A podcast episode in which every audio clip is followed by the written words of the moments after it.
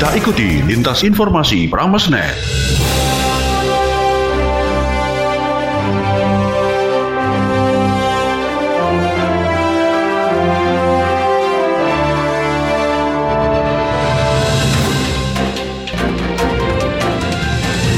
Selamat sore, kita jumpa kembali dengan Lintas Informasi Pramesnet edisi Kamis 10 Juni 2021 Bersama saya, Agus Putra Pradana Siaran ini diikuti oleh 103,9 FM Prames Suara Lamongan 104,5 FM Bahana Ngawi 90,6 FM Rasi Magetan dan 97,8 FM Radio Ronggo Hati Lamongan. Baiklah sobat, kita awali informasi pertama dari Lamongan. Sobat jajaki 5 program 100 hari pertama, kini Bupati Lamongan tetapkan 11 prioritas lagi. Selengkapnya kita sudah terhubung dengan reporter radio Ronggo Hadi Lamongan. Rima. 7 Juni 2021 tepat 100 hari masa kerja jangka pendek Bupati Lamongan Yuroh Nur Effendi bersama Wakil Bupati Lamongan Kiai Haji Abdul Rauf sejak dilantik pada tanggal 26 Februari lalu. Mengenai kerja 100 hari pertama ini, Yuronur menyebutnya seperti penjajakan, yakni masa orientasi untuk menyatukan cara pandang, semangat kebersamaan, ide, gagasan untuk mewujudkan visinya, yakni kejayaan Lamongan berkeadilan. Pencapaian 100 hari kerja ini sebagai dasar untuk mendongkrak kualitas kinerja ASN dalam memberikan pelayanan yang adaptif dan responsif kepada masyarakat.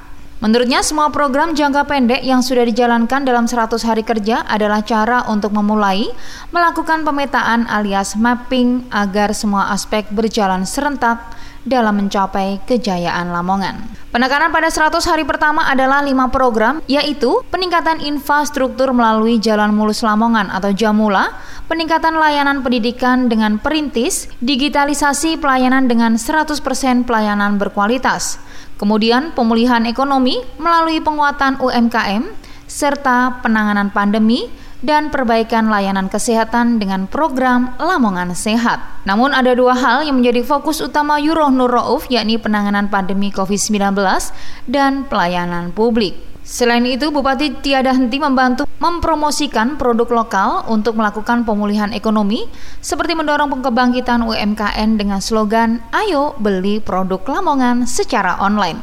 Juga memperkenalkan pasar online Lamongan, lapak Lamongan, dan misi dagang, serta kegiatan lapangan di antaranya meluncing taman tematik desa wisata, kurasi dan penyaluran produk lokal di gerai minimarket berjaringan. Untuk pelayanan publik, Euronor melaksanakan perbaikan jalan, normalisasi sungai, pembangunan rumah layak huni, pengendalian banjir, sekolah digital, dan peningkatan kualitas layanan kesehatan di puskesmas hingga posyandu dan home care service. Setelah pemanasan selama 100 hari, ke depannya jalan membangun kejayaan berkeadilan akan dilalui lewat 11 prioritas lagi, yakni pendidikan, kesehatan, tenaga kerja, infrastruktur, pertanian dan perikanan, UMKM, pemuda dan olahraga, pariwisata, pelayanan publik, sosial kesejahteraan, dan pembangunan desa. Demikian dari Lamongan, Rima melaporkan kembali ke studio. Rima, reporter radio Ronggo Hadi Lamongan. Berikutnya kita menuju Ngawi. Sobat Bupati Ngawi siapkan perda baru guna berantas jebakan tikus. Selengkapnya, kita sudah terhubung dengan reporter Radio Bahana Ngawi, Fiuna. Ya, terima kasih saya Fiuna dari Ngawi melaporkan. Sobat, dalam rangka mempersiapkan pertanian yang ramah lingkungan berkelanjutan, Bupati Ngawi Oni Anwar Harsono tengah menggodok peraturan bupati atau perbuk. Salah satu alasan disiapkannya perbub tersebut lantaran maraknya korban jiwa akibat jebakan tikus yang beraliran listrik. Karena itu, perbub tersebut diinisiasi untuk mencegah semakin banyaknya korban jiwa akibat tersengat listrik jebakan tikus. Dari perbub tersebut, Bupati Ngawi mengaku telah menyiapkan tata aturan terkait pertanian yang ramah lingkungan dimulai dengan menerbitkan surat edaran atau SE Bupati, seluruh desa dihimbau menindaklanjuti dengan peraturan desa atau perdes. Kemudian perdes tersebut dilanjut Bupati Oni dalam rangka mewujudkan pertanian yang ramah lingkungan. Ia berharap Perbub tentang pertanian ramah lingkungan itu bisa rampung bulan depan dan siap disosialisasikan. Demikian informasi yang bisa saya sampaikan. Kembali ke studio, silahkan. Fiuna, reporter radio Bahana Ngawi. Berikutnya kita menuju Lamongan. Sobat warga meninggal bertambah jadi 10 orang akibat klaster hajatan di Lamongan. Selengkapnya kita sudah terhubung dengan reporter radio Prame Suara Lamongan, Mita. Baik, terima kasih. Sobat, jumlah korban meninggal terkait klaster hajatan di Desa Sidodowo Lamongan bertambah. Jumlah warga yang meninggal bertambah dua sehingga total ada 10 warga yang meninggal.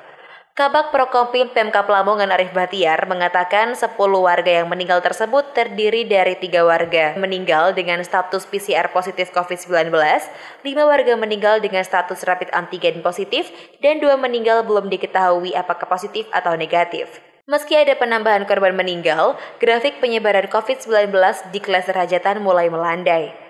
Arif mengatakan jumlah warga yang positif dari hasil PCR yang menjalani isolasi di rumah sakit ada 14 orang. Satu orang isolasi mandiri di rumah dan sembuh dua orang. Untuk warga yang positif dari hasil rapid antigen ada sebanyak 9 orang yang tengah menjalani isolasi di rumah sakit.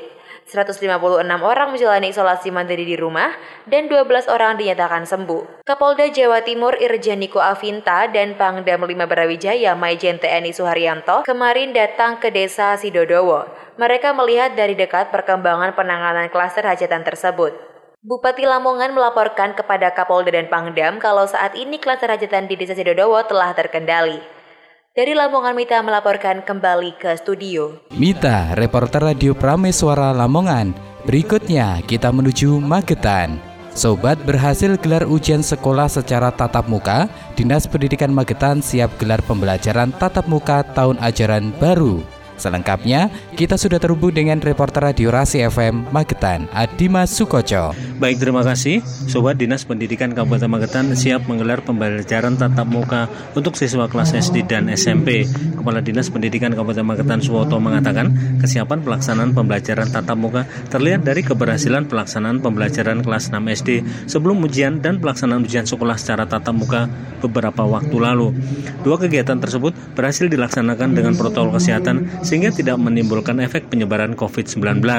Ujian sekolah jenjang SMP sudah kita laksanakan secara tatap muka langsung di sekolah pada bulan April dan alhamdulillah lancar tidak ada masalah terkait dengan Kemudian yang jenjang SD juga sudah kita laksanakan ujian sekolah secara langsung tatap muka. Kemudian untuk kenaikan kelas bagi kelas 1 sampai kelas 5 jenjang SD dan kelas 7 8 jenjang SMP untuk penilaian akhir tahun kemarin kita sudah melaksanakan ulangan secara tatap muka langsung di sekolah. Ini kan bagian dari uji coba kita. Suwoto menambahkan pihaknya memastikan siap untuk pelaksanaan pembelajaran secara tatap muka PTM pada pertengahan bulan Juli mendatang bertepatan dengan pelaksanaan tahun ajaran baru. Untuk mendukung pelaksanaan pembelajaran tatap muka yang rencananya akan dilaksanakan pada pertengahan bulan Juli, terus mendorong Dinas Kesehatan untuk memberikan vaksin kepada sekitar 8.000 tenaga pendidik di Magetan, di mana saat ini baru sekitar 3.000 guru yang mendapatkan vaksin. Diharapkan upaya vaksin kepada tenaga pendidik di Magetan akan selesai akhir bulan Juni mendatang. Kita ini kan mengajukan tenaga pendidik dan kependidikan istilahnya, kan sekitar 8.000. Eh, yang tahap kedua dari Dinkes sudah melakukan vaksin, yang tahap pertama 800, kemudian ini yang tahap kedua ini ada kita dapat jatah 2.050. Dan ini masih jalan di Aula Dinas Pendidikan untuk vaksinasi bayi guru. Nanti sampai hari Senin mungkin baru selesai. Dari Kabupaten Magetan, Adima Sukocora siapa melaporkan kita kembali ke studio. Baik, selamat malam rekan Agus, sahabat Rasi. Demikian info terkini Adima Sukoco FM melaporkan kita kembali ke studio. Adima Sukoco, reporter radio Rasi FM Magetan. Demikian tadi baru saja Anda ikuti lintas informasi Pramesnet. Siaran ini dapat Anda simak setiap Senin sampai Jumat pukul 10 pagi dan 4 sore. Saya Agus bersama tim redaksi yang bertugas mengucapkan selamat sore, sampai jumpa. Demikian tadi telah Anda ikuti lintas informasi Pramesnet. Informasi ini dapat Anda simak di 103,9 FM Prameswara Lamongan, 104,5 FM Bahana Ngawi, 90,6 FM Rasi Magetan, dan 97,8 FM Hadi Lamongan.